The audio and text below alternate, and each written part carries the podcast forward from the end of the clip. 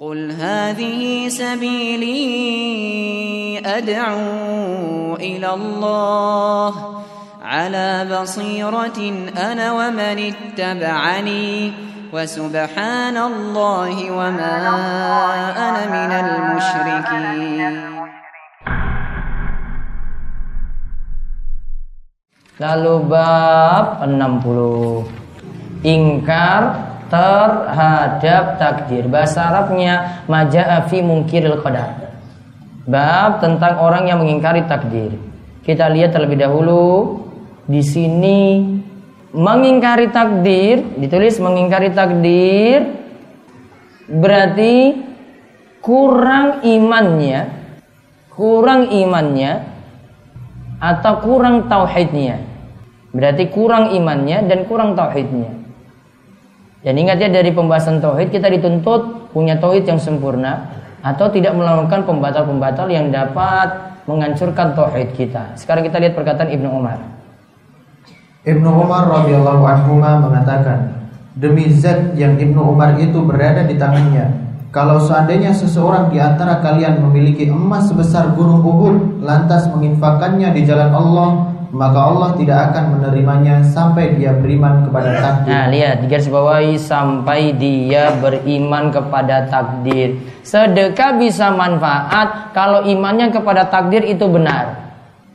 Sedekahnya bisa manfaat kalau berimannya kepada takdir itu benar. Berarti kalau tidak beriman kepada takdir, sodakonya tidak diterima walaupun banyak. Berarti iman diperbaiki dulu baru amalan itu ditambah. Kalau imannya itu rusak, amalan tidak diterima. Lalu Ibnu Umar Ibnu Umar lantas berargumen dengan sabda Nabi Shallallahu Alaihi Wasallam, iman yaitu engkau beriman kepada Allah, para malaikatnya, para rasulnya, hari akhir dan beriman kepada takdir yang baik dan yang buruk. Nah, iman itu antuk minabillah. Engkau beriman kepada Allah satu wa malaikatihi. Engkau beriman kepada malaikat Allah dua. Wa kutubi engkau beriman kepada kitab-kitabnya tiga. Wa rusulihi engkau beriman kepada para rasulnya empat. Wal yaumil akhir engkau beriman kepada hari akhir lima. Wa tu'mina bil qadari khairihi wa syarihi dan engkau beriman pada takdir yang dirasa baik maupun buruk. Nah di garis bawahi beriman kepada takdir yang baik dan yang buruk Lalu Ubadah bin Samit Ubadah bin Samit berkata kepada anaknya, "Wahai anakku, engkau tidak akan merasakan kenikmatan iman sebelum engkau meyakini bahwa sesuatu yang telah ditakdirkan menimpamu pasti tidak akan meleset dan sesuatu yang tidak ditakdirkan menimpamu tidak akan jatuh padamu." Aku mendengar Rasulullah Shallallahu Alaihi Wasallam bersabda, Sesungguhnya makhluk yang pertama diciptakan Allah adalah pena takdir Allah lantas berfirman kepadanya, "Tulislah." Pena itu menjawab, "Duhai Rabbku, apa yang harus aku tulis?" Allah berfirman, "Tulislah takdir segala sesuatu sampai hari kiamat." Tulislah takdir segala sesuatu sampai hari kiamat. Garis bawahi pada kalimat yang di atasnya, tidak akan merasakan kenikmatan iman sebelum engkau meyakini bahwa sesuatu yang telah ditakdirkan menimpamu pasti tidak akan meleset dan sesuatu yang tidak ditakdirkan menimpamu tidak akan jatuh padamu. Bahasa Arabnya hatta ta'lama anna ma asabaka lam yakun yukhti'ak wa ma akhta'aka lam yakun yusibak. Merasakan manisnya iman kalau kita itu mengimani tak takdir, yaitu apa yang menimpamu tidak akan luput darimu dan apa saja yang luput darimu tidak akan menimpamu. Allah takdirkan kita tidak akan dapat musibah, tidak mungkin kena musibah. Namun kalau Allah tetapkan kita itu nanti dapat musibah, pasti tidak akan ya orang itu luput, tidak mungkin lepas dari musibah tadi, pasti akan dapat. Terus selanjutnya lagi, wahai anakku, wahai anakku, Aku juga mendengar Rasulullah Shallallahu Alaihi Wasallam bersabda, Barang siapa yang meninggal dalam kondisi tidak demikian, tidak beriman pada takdir, maka dia bukanlah golonganku. Nah, di garis bawahi, barang siapa yang meninggal dalam kondisi tidak beriman kepada takdir. Akibatnya apa? Falaisa minni, tidak termasuk golonganku. Ancaman berarti. Tidak beriman pada takdir, dosa besar berarti tidak beriman kepada takdir masuk dosa besar. Dalam riwayat Imam Ahmad. Dalam riwayat Imam Ahmad dikatakan, sesungguhnya makhluk yang pertama kali diciptakan Allah Ta'ala adalah pena. Allah lantas berfirman kepadanya, tulislah, maka ditulislah pada saat itu apa yang terjadi sampai terjadi hari kiamat. Dituliskan segala sesuatu yang terjadi sampai hari kiamat. Ibnu Wahab.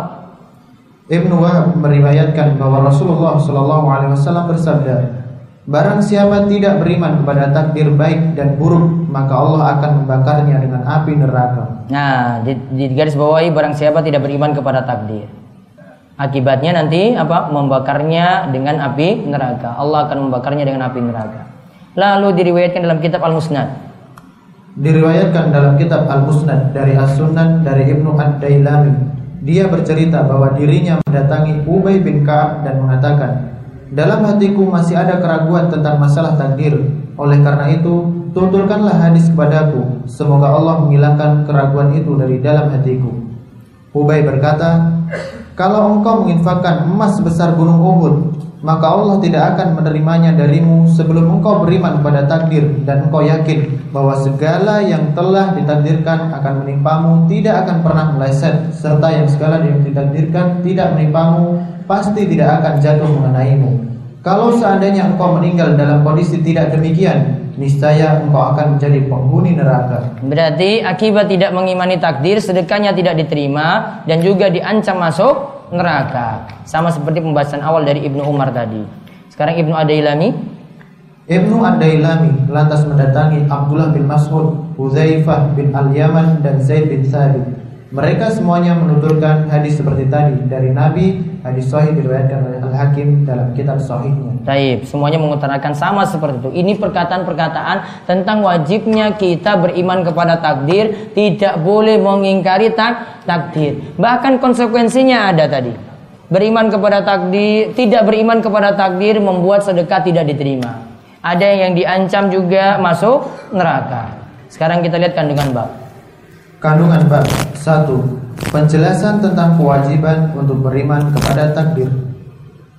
Penjelasan tentang kewajiban untuk beriman kepada takdir karena dia dilarang untuk mengingkarinya berarti wajib beriman kepada takdir. Dua. Penjelasan tentang tata cara beriman kepada takdir. Tentang tata cara beriman kepada takdir. Kita terima apa adanya dan kita yakin apa yang Allah kehendaki pasti terjadi, yaitu yang musibah yang nanti menimpa kita itu pasti terjadi kalau itu Allah katakan tidak akan datang musibah tadi tidak akan terjadi. Terus yang ketiga. Amal seseorang akan terhapus lantaran tidak beriman kepada takdir. Apa tadi yang terhapus tadi amalan apa?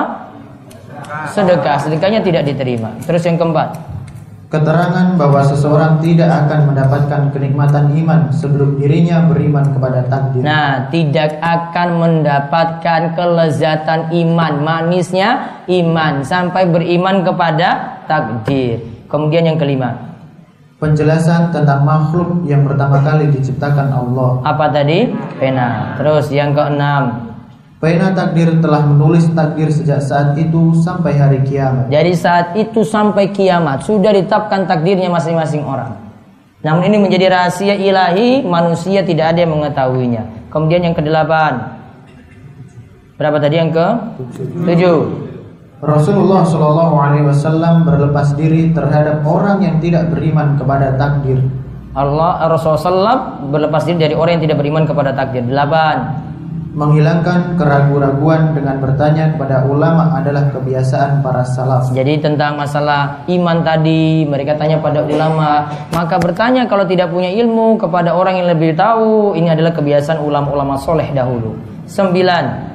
Para ulama salaf memberikan jawaban sehingga bisa menghilangkan keraguan-raguan penanya dengan hanya menuturkan hadis dari Rasulullah. Keraguan-raguan penanya menghilangkan keraguan-raguan penanya dengan hanya menuturkan hadis dari Rasulullah Shallallahu Alaihi Wasallam saja.